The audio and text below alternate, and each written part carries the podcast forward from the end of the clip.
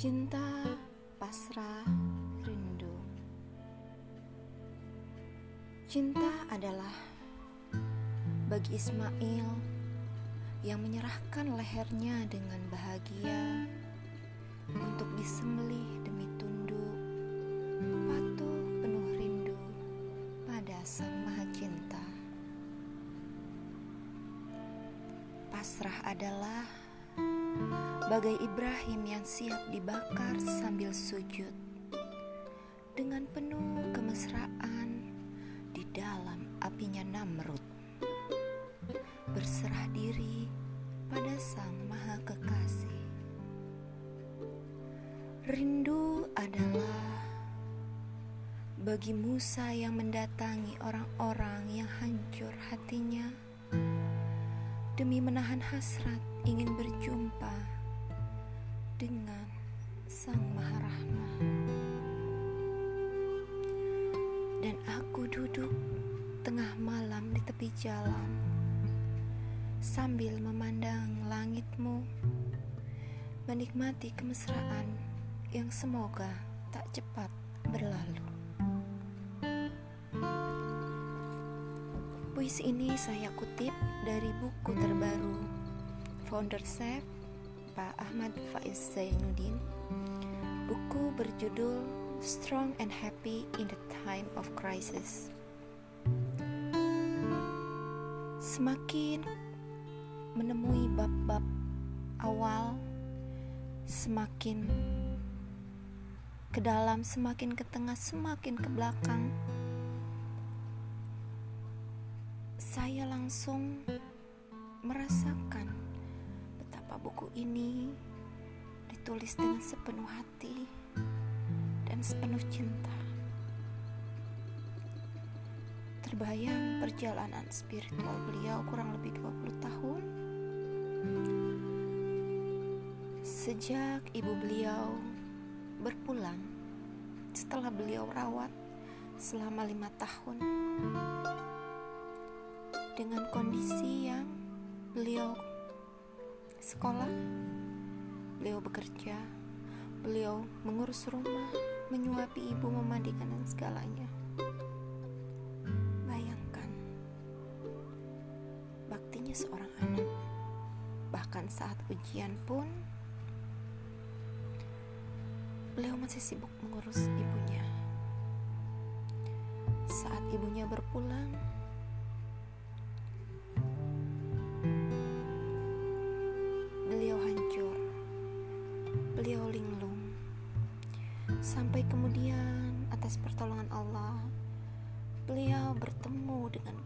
guru-guru kehidupan yang luar biasa.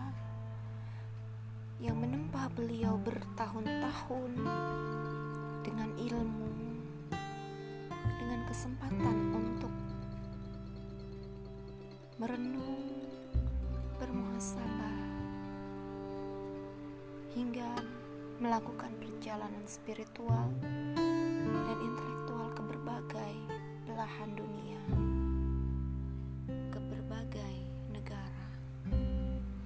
Maka saya dapati goresan-goresannya di buku ini adalah luar biasa. Mungkin Anda dapat mendengar getar suara saya. Karena memang apa yang beliau sampaikan di sini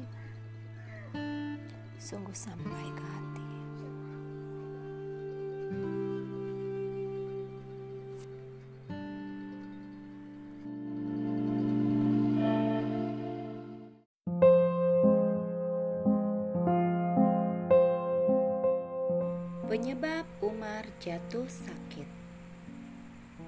Sebagai seorang khalifah, Umar bin Al-Khattab memiliki kebiasaan. Setiap malam, dia selalu melakukan ronda malam. Dia terbiasa berkeliling kota Madinah dengan menunggangi keledai kesayangannya. Suatu ketika, Umar mendengar seseorang sedang menunaikan sholat. Dia pun mendekati rumah orang tersebut.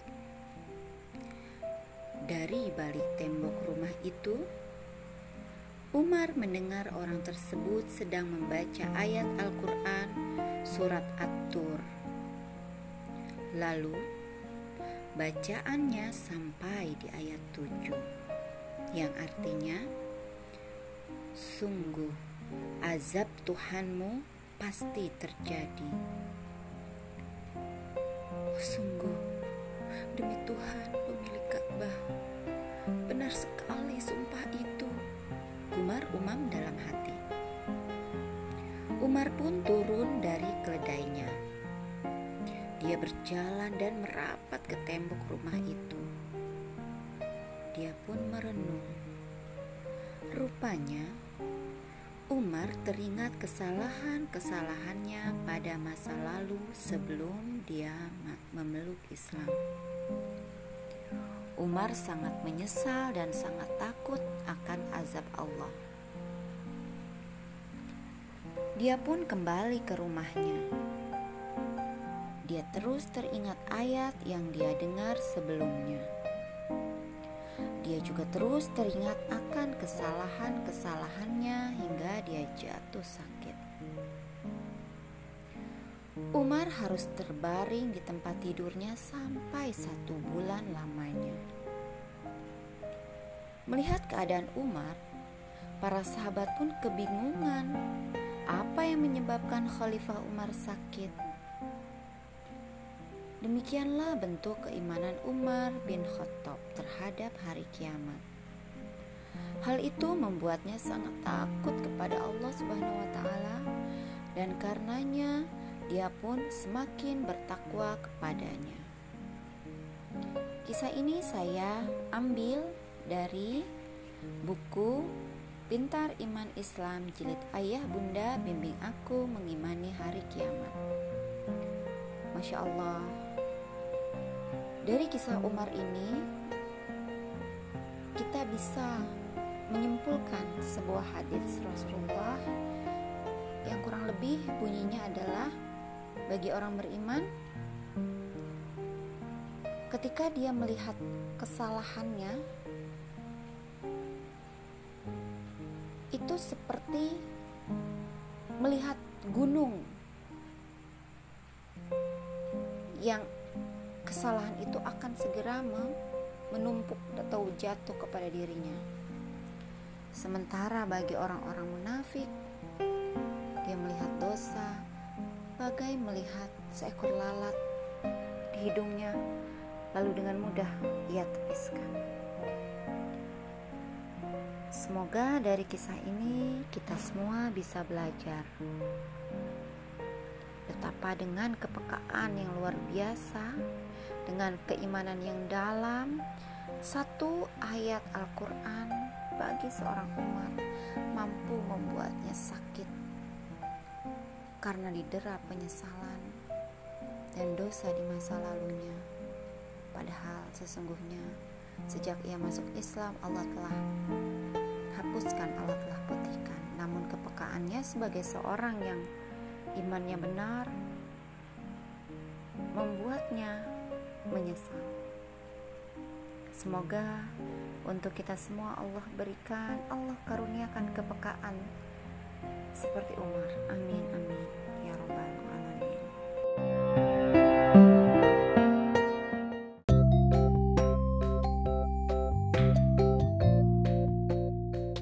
Assalamualaikum warahmatullahi wabarakatuh, sahabat.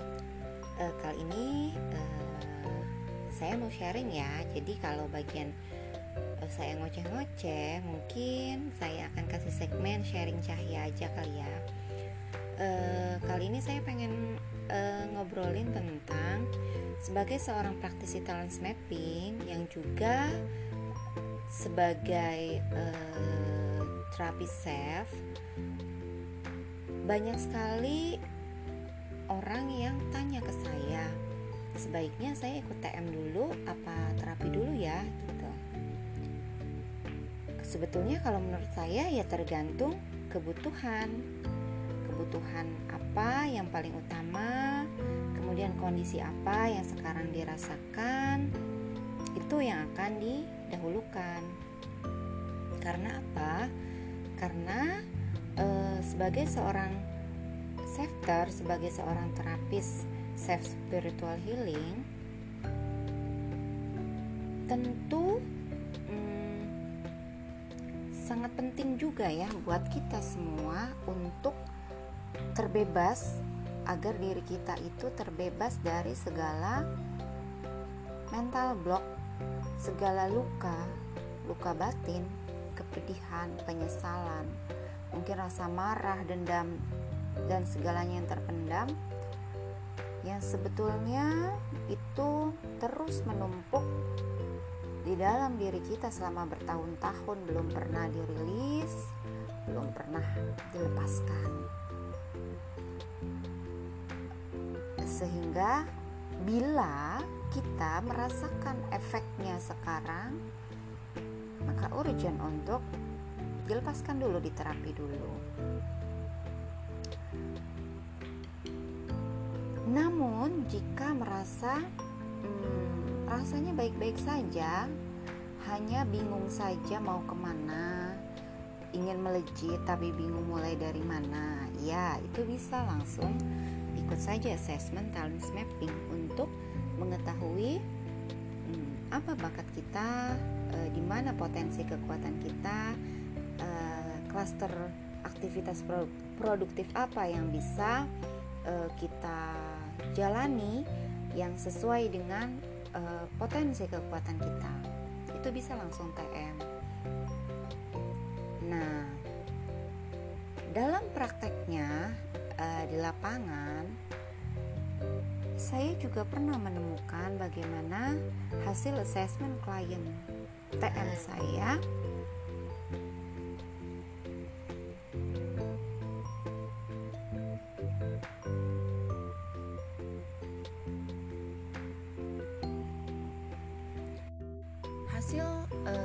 assessment TM klien saya tuh ada yang di bagian-bagian aktivitas yang potensi kekuatannya merah yaitu yang sangat kuat tapi justru PSS-nya atau uh, personal strength statement-nya pengakuannya itu hitam.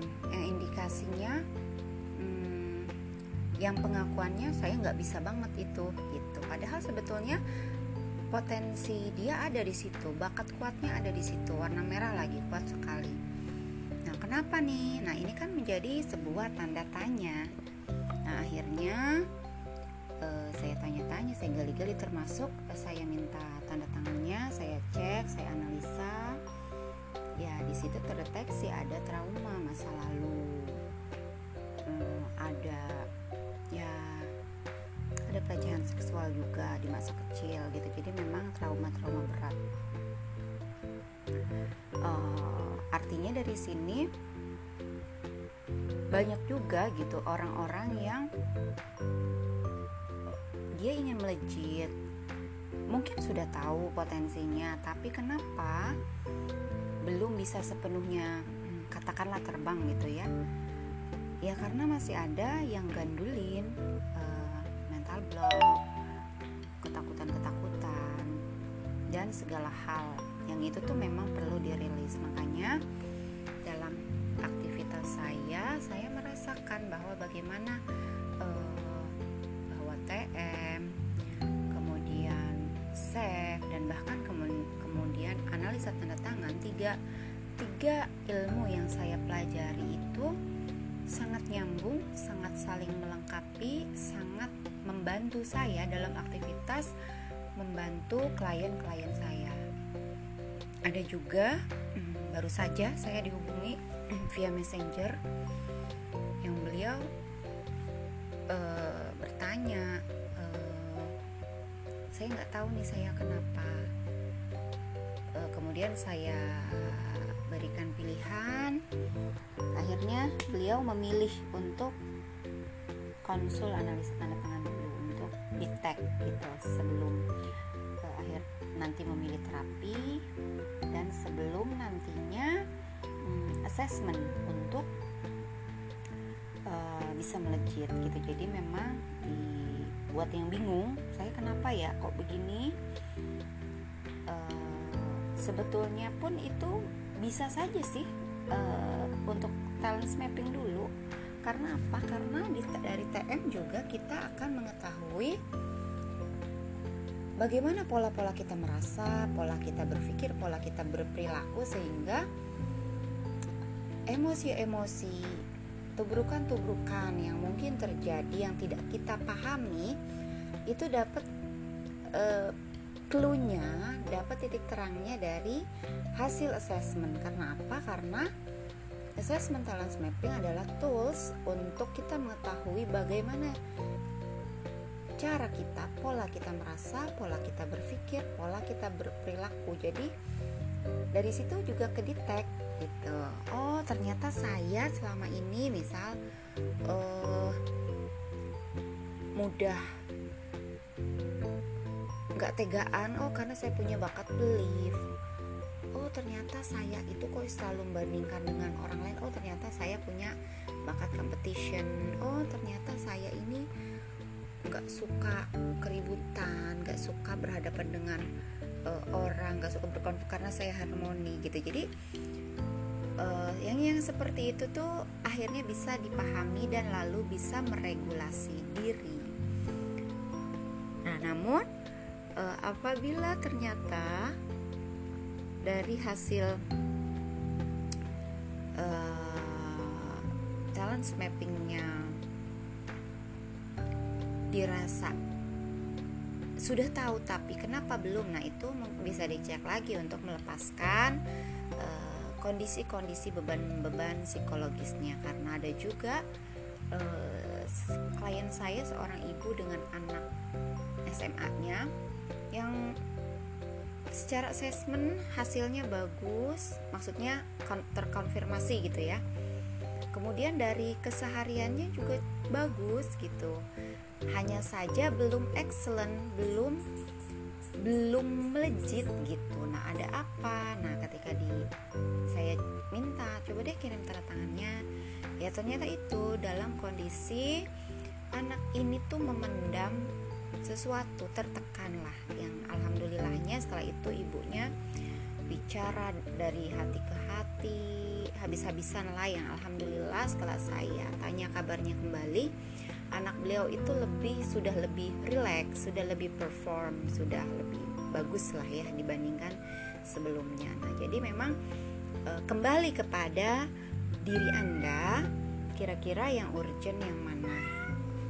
Gitu atau misalnya hmm, masih bingung juga boleh hubungi saya ya. Oke ya teman-teman sekian dulu uh, bincang kita malam ini. Semoga bermanfaat dan sedikit uh, memberi penjelasan buat teman-teman yang selama ini bingung.